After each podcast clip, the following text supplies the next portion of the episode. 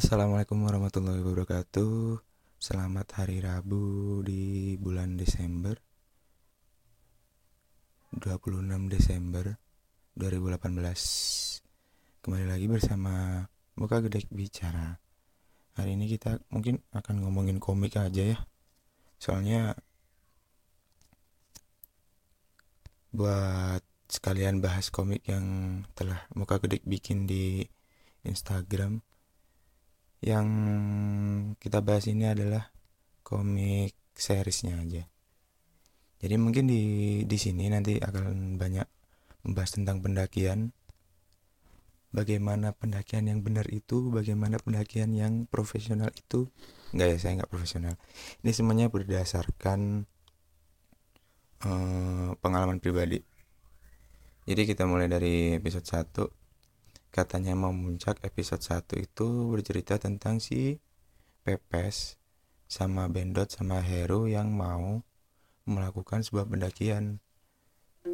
Tapi mereka nggak nggak dapat izin dari sekolahan gitu kan karena si kesiswaannya galak gitu. Orangnya galak tapi tapi anaknya cantik. Jadi ini cerita nyata ya. Jadi dulu itu kan kita minta dispen kan buat acaranya kan. Acaranya kan berjalan selama empat hari. Jadi otomatis kita bakal bolos empat hari dong selama SMA itu. Nah waktu itu saya minta dispen tuh ke penyelenggara acaranya. Tempatnya jauh lagi. Saya malam-malam naik motor sendirian. Sekitar sejaman lah ke sananya. Lalu besok paginya saya kasih ke ke ke siswaan. Dirobek masa ininya surat dispensasinya dan dia marah-marah karena itu kan bukan ajar dari sekolah.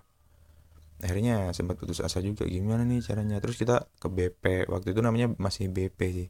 Kalau sekarang kan BK ya badan konseling gitu.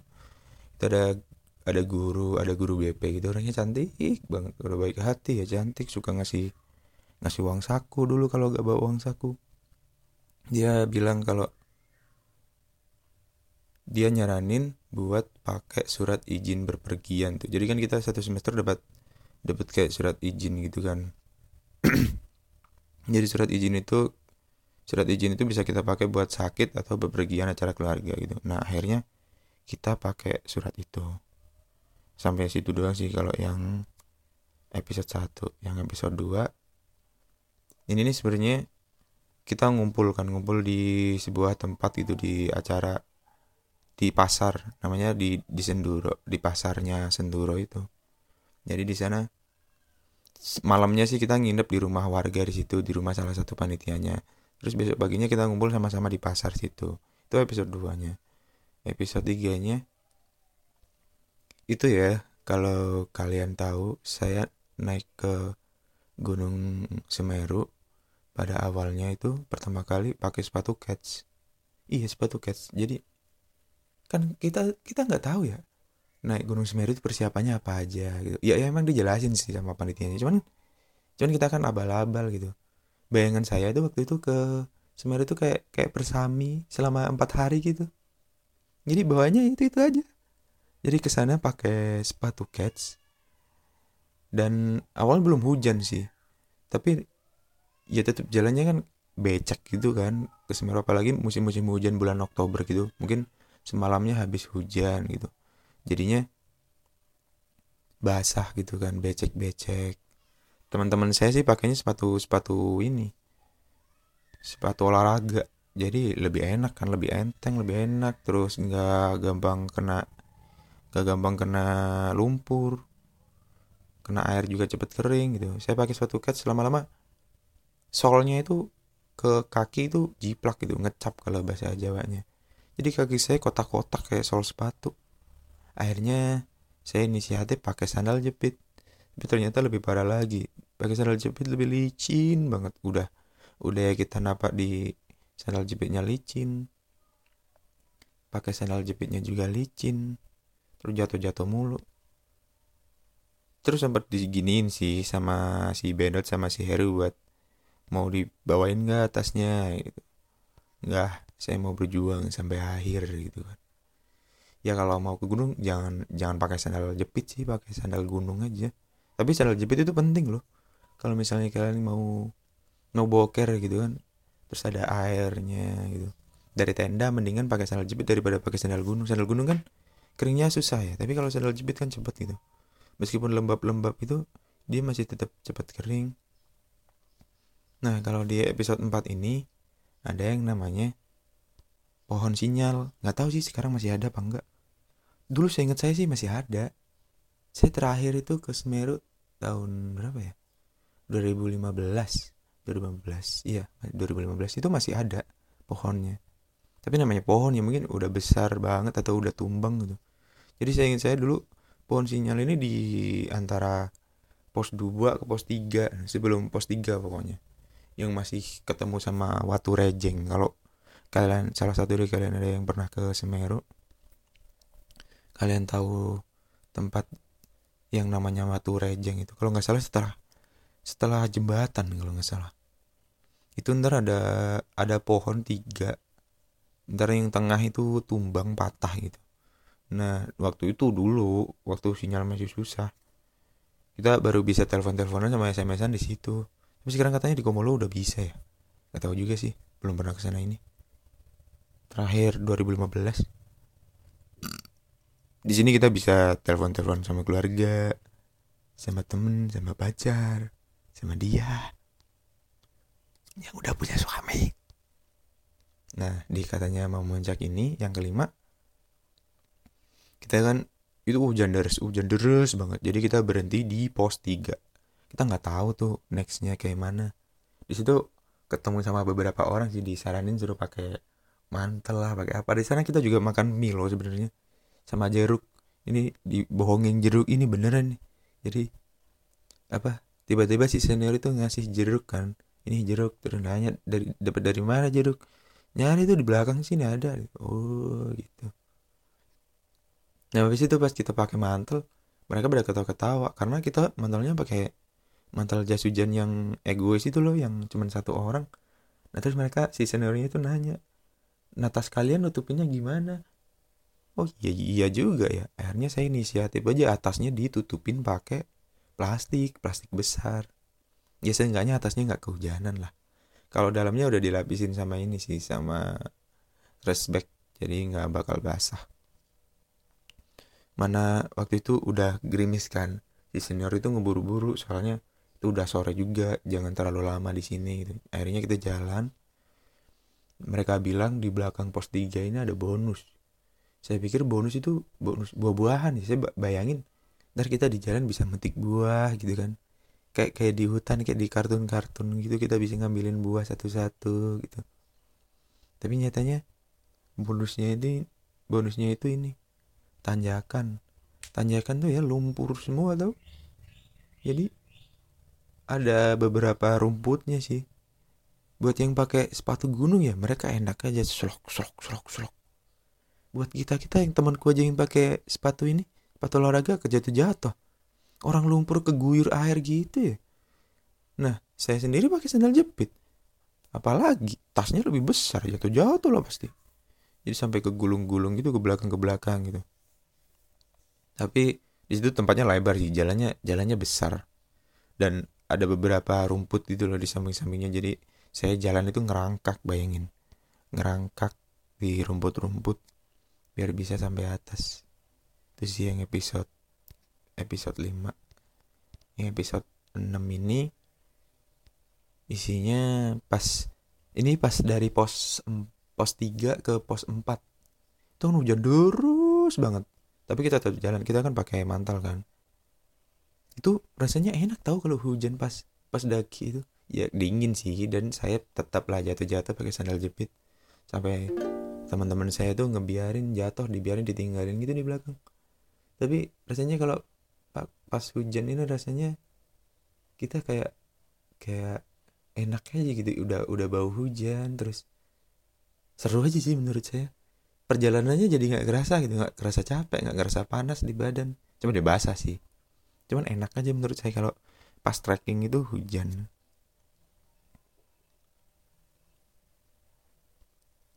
lalu ini yang di pos 3 ke pos 4 ntar tuh ada tikungan ya. Setelah kita keluar dari hutan itu kita bakal ngelihat Ranu Kumbolo yang benar-benar gede banget. Gede hijau biru banget. Itu udah lagi rintik-rintik udah selesai gitu hujannya setengah selesai gitu. Terus ntar di pos empatnya kita bisa duduk di pos sambil ngelihat sambil ngelihat Ranu Kumbolo. Bagus banget. Kayak mustahil gitu ada tempat kayak gitu di dunia. Nyatanya ada ya. Itu saya nemuin pas masih SMA kelas 1 keren banget aja rasanya ada tempat te tempat keren dan sepi waktu itu ya. Nggak ada orang waktu itu waktu itu pas pendakian itu pas acara itu cuman berapa ya? Kita seacara itu berempat puluh apa berlima puluh gitu. Satu waktu itu acara pendakian Semeru itu. Terus tenda lain palingan di sana cuma ada empat atau lima gitu. Jadi sepi banget waktu itu. Hijau bagus banget gede banget.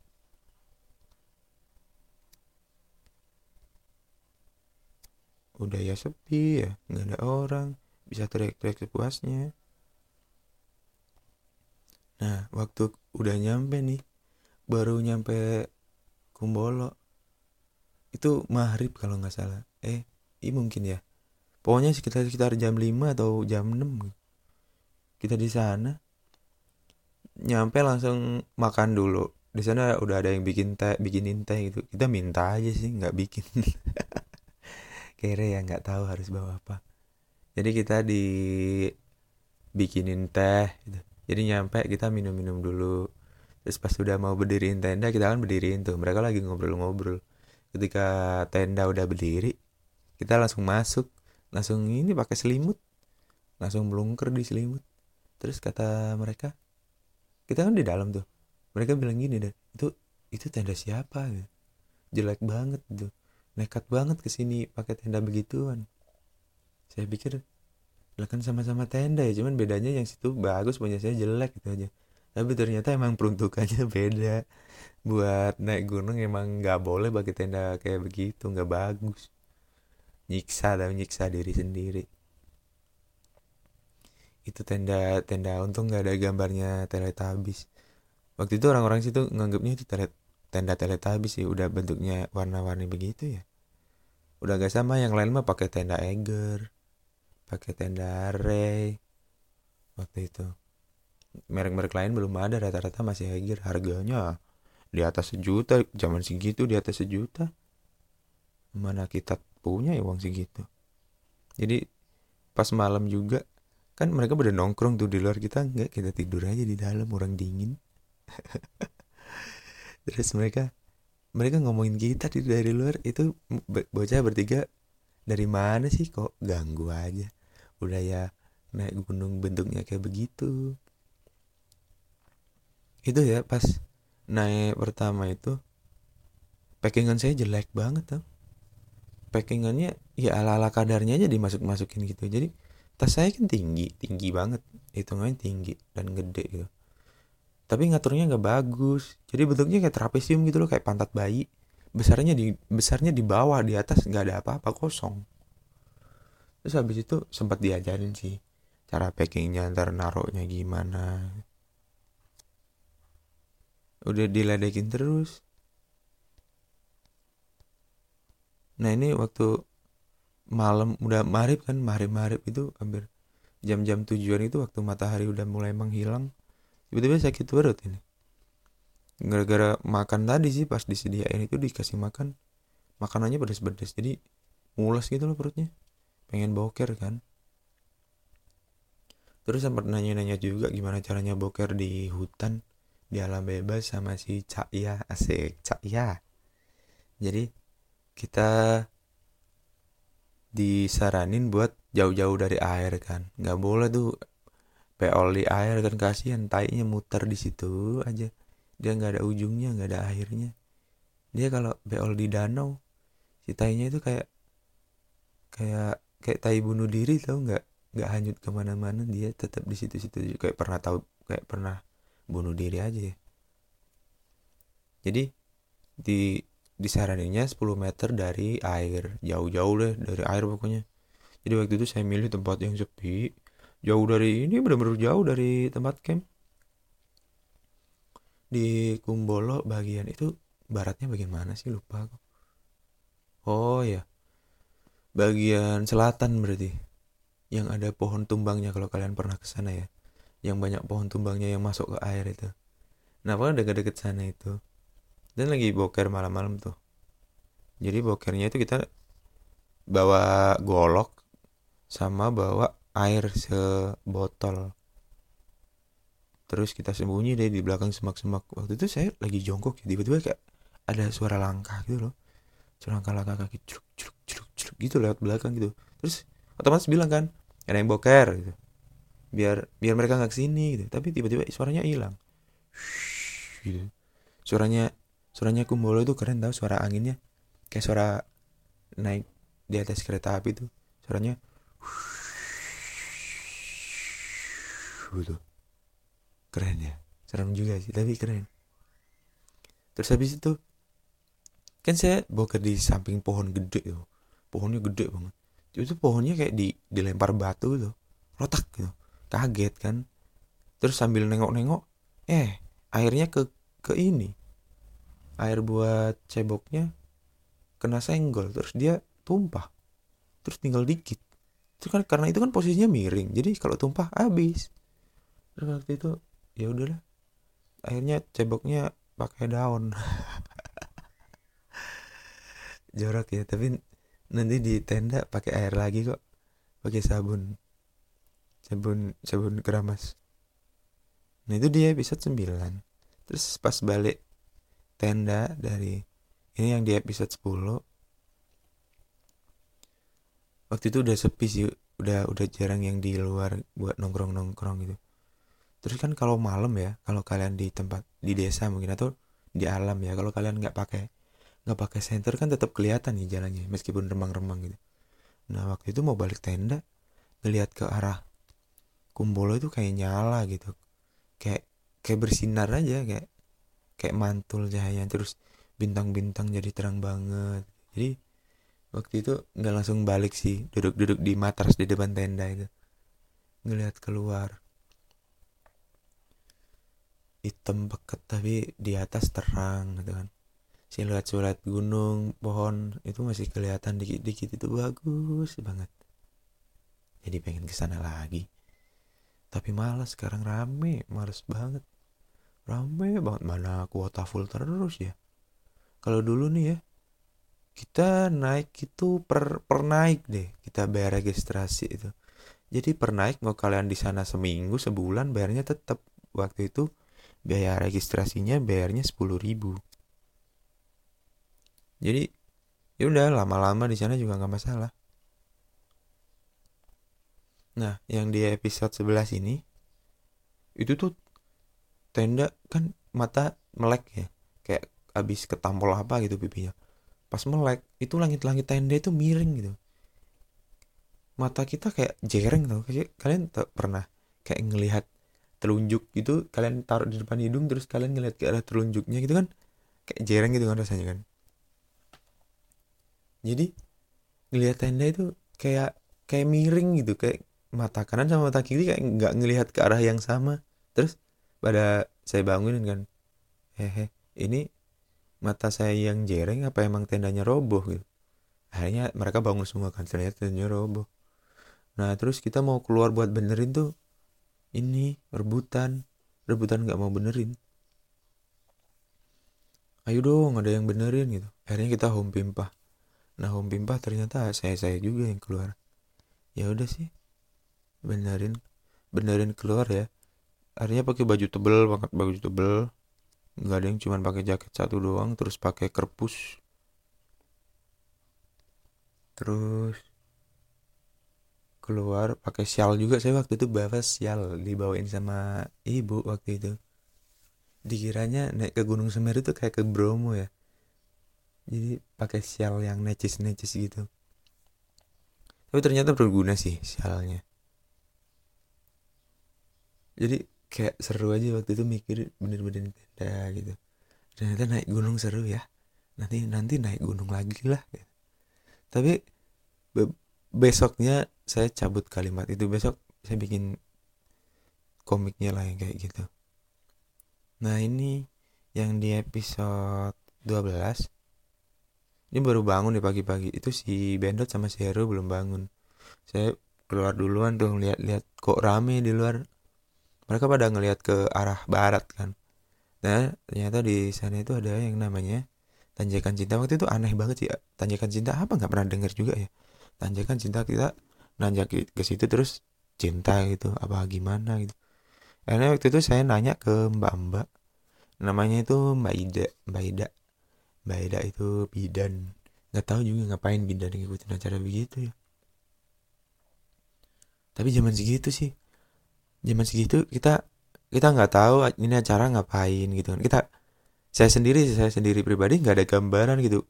Ke Semeru itu agendanya apa aja gitu. Selama empat hari men. Bayangin. Saya bayanginnya empat hari bersami. Sehari bersami aja bosen gitu acaranya lalala ye ye seneng seneng gitu nah, api unggun gitu kan. Tapi lah ini empat hari di di gunung ngapain coba? Ternyata nanjak men. Nanjak. Udah capek. Nah di tanjakan cinta ini diceritain kalau ketanya kalau kita jalan kaki ya ke sana nggak berhenti, nanti orang yang kita cinta itu bakal cinta sama kita gitu. Misalnya ada yang lagi ngejar jodohnya gitu kan, terus ternyata dia di dicampakkan gitu, dicuekin sama jodohnya. Nah, di tanjakan cinta ini kita kayak kayak berdoa gitu, kita mikirin si cewek itu gitu kan.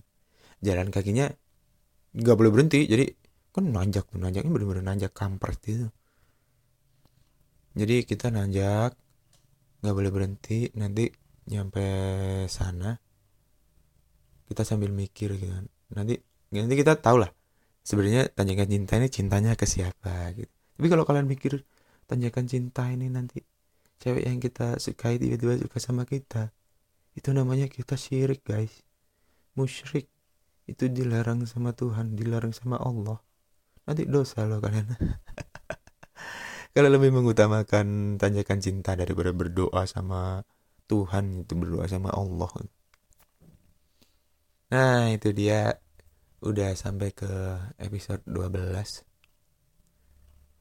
besok besok jam 6 hari Kamis jam 6 sore hari Kamis rilis.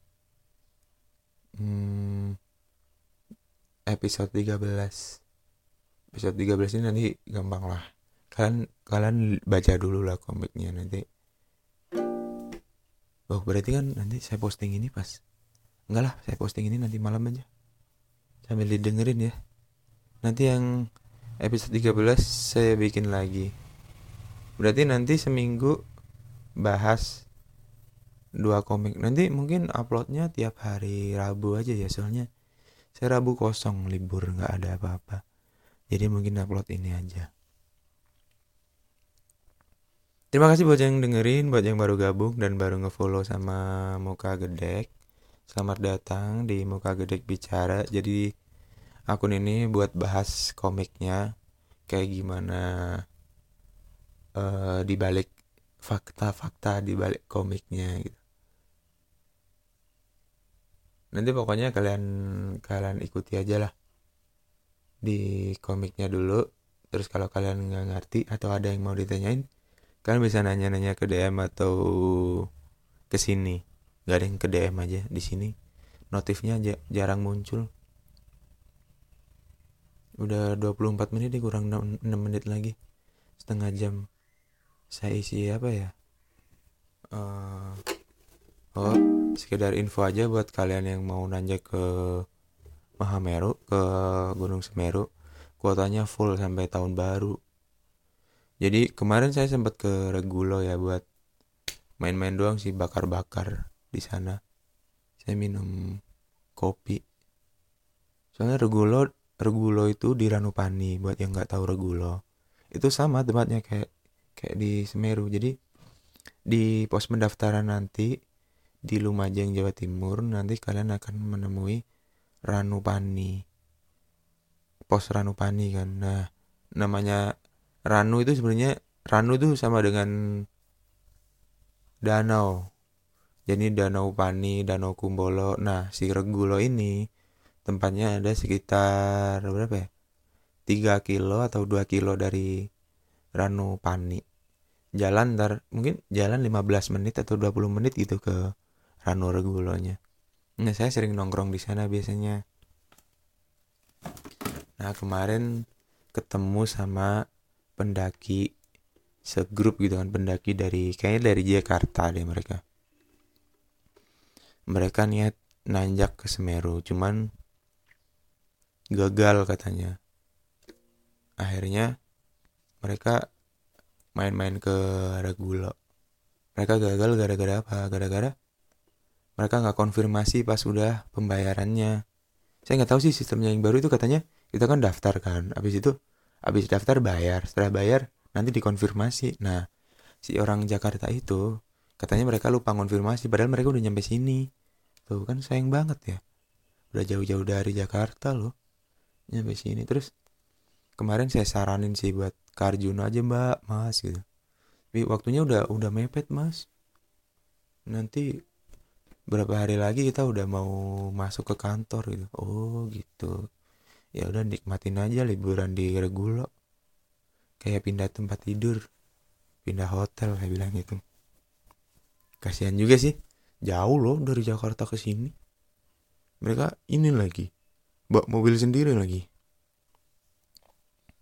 Keren kan? Dulu saya sempat kagum tuh sama bukan berarti sekarang gak kagum ya. Dulu waktu nanya-nanya ke Semeru itu saya bisa kenal orang jauh gitu saya kan orang kampung ya dari Lumajang bisa kenal orang Solo waktu itu ya.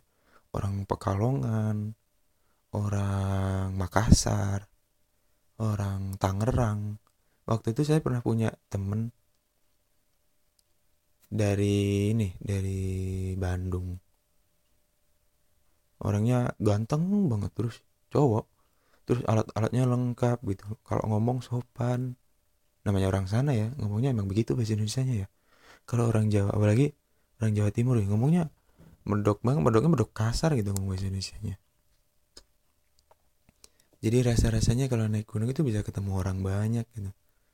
Terus ya dulu dulu banget waktu belum rame pendakian itu di gunung tuh kalau di Semeru palingan maksimal tuh di di Ranukumbolo palingan cuman berapa ya? 30 tenda mungkin 30 tenda atau 20 tenda itu udah banyak banget rasanya. Jadi dulu di Ranukumbolo itu pernah gitu cuman cuman cuman empat tenda. Kita datang itu cuman ada tiga tenda. Misalnya setenda nih isinya empat atau lima gitu. Misalnya tiga tenda kan berarti udah udah ada 15 orang di sana kan. Nah itu rasanya kita kayak kayak keluarga gitu. Kita ntar bikin tendanya ya mepet-mepet ke mereka. Soalnya ya ya sepi nggak ada orang di di Ranukumbolo waktu itu. Nggak ada orang bener-bener sepi banget. Mal kalau malam apalagi ya angin lembahnya kenceng banget. Jadi kalau misalnya tendanya dirapetin tuh seenggaknya hantamannya si angin tuh nggak nggak terlalu gitu. Dan mungkin lebih hangat ya di dalam tendanya lebih hangat. Nggak ada nggak ada dulu nggak ada gitu-gitu serius. Kalau sekarang mah di gunung buat gitu-gituan ya buat gitu-gituan itu buat ini loh couple gitu pasangan gitu. Terus mereka kadel kadeling gitu di dalam tenda. Yang apalah mesum lah. Ya saya orangnya juga mesum sih cuman nggak di gunung juga gitu. Itu kalau kayak di gunung itu ya itu tempat kalian ketemu sama sama alam gitu. Kalian bisa bersatu sama rumput kalian bisa makan rumput. Kalian bisa goler goler goleran di rumput apa ya kayak kayak di gunung itu kalian bikin puisi itu pas banget gitu. bikin puisi bikin gambar gitu atau ngelukis gitu. Apa foto. Punya hal-hal yang hal-hal yang nggak bisa kalian lakuin di darat lah. Di dunia biasanya gitu. Kayak kayak saya sukanya masak sih kalau di gunung itu. Saya nggak bisa masak cuman kalau ngeliat orang masak di gunung itu suka gitu. Masakannya kalau saya dulu sih sebelum apa ya sebelum bener-bener pro buat naik gunung itu masaknya mie mulu mie mie sawi sarden mie sawi sarden. Sarden tuh ya udah kayak makanan mewah tahu di gunung waktu itu ya. Makan sarden tuh kayak kayak kita bisa makan makanan rumahan di gunung gitu itu keren banget rasanya. Tapi kalau sekarang mah orang udah udah pinter ke gunung bawa udah bawa lauk duluan lauk mentah gitu udah dibumbuin dari rumah ntar di gunung tinggal masak. Kalau kita dulu nggak nggak kepikiran udah jauh dari senior jarang ngumpul gitu. Kita belajar naik gunung itu otodidak nyari-nyari di internet ya ya Allah gembel banget. Tau kalau kalau sekarang nih banyak banyak role modelnya gitu. Kalian mau naik gunung model gembel atau model stylish itu udah ada udah ada role modelnya gitu. Kalau dulu naik gunung udah udah kayak kayak lembu tahu bentuknya. Udah badannya buluk bajunya compang camping terus pakaiannya begitu tasnya udah di dicentelin segala macem. Dulu saya pernah ke ke beberapa gunung yang mengharuskan naik kendaraan umum ya. Waktu itu ke ke Arjuno pernah, ke Arjuno Malang, lalu di Penanggungan di Mojokerto juga pernah. Itu gitu. Jadi waktu itu ya orang pakai tas carrier pakai tas gunung itu masih aneh waktu itu. Jadi kita di terminal diliatin gitu kan. Tapi waktu itu kita merasa keren dong diliatin banyak orang kan. Tapi kayak lebih ke orang gila aja sih. Jadi zaman dulu nggak ada orang bawa tas carrier terus rame-rame terus ada ceweknya gitu waktu ke ke penanggungan ada ceweknya sih satu jadi kayak orang ngelihatnya ini loh nggak sopan gitu. Cewek main sama cowok zaman segitu ya. Zaman segitu itu maksud saya itu zaman zaman 2000 2000 2010-an ke atas lah 2010 2011 2012 itu sering-seringnya saya naik gunung sih. Waktu itu masih SMA juga. Udah ke sana ke sini terus SMA juga masih SMA kan masih di rumah ya di rumah udah sering-sering keluar tau. Kalau ngekos mah ngekos mah kita keluar gampang mau nginep di mana aja gampang. Tapi kalau di rumah apalagi cewek ya. Jadi waktu itu ke rumah ceweknya itu kita mamitin bareng-bareng gitu ke orang tuanya. Anak anda kami bawa ya bu. Kita jaga baik-baik. Pokoknya nggak sampai ada luka-lukanya lah ntar pulangnya gitu. dulu dulu banget kalau sekarang keluar sama ini ya hati-hati. Itu doang jadi dulu itu beda tau kalau naik gunung dulu sama sekarang. Saya bakal sering saya bakal sering comparing sih pendakian zaman dulu sama sekarang. Soalnya saya ngerasain seru-serunya zaman dulu gitu. Kalau sekarang yang sekarang bener-bener hari ini ya per tahun ini saya belum belum ngerasain sih gimana rasanya. Mungkin tahun baru nanti mau naik gunung mungkin ya. Tahu ding udah udah setengah jam. Terima kasih buat yang dengerin ya. Jangan lupa like komiknya disebarin biar followernya makin banyak. Biar komikusnya bisa makan. Nggak canda nggak ada yang serius nggak bercanda. Selamat siang dan assalamualaikum warahmatullahi wabarakatuh. Bye bye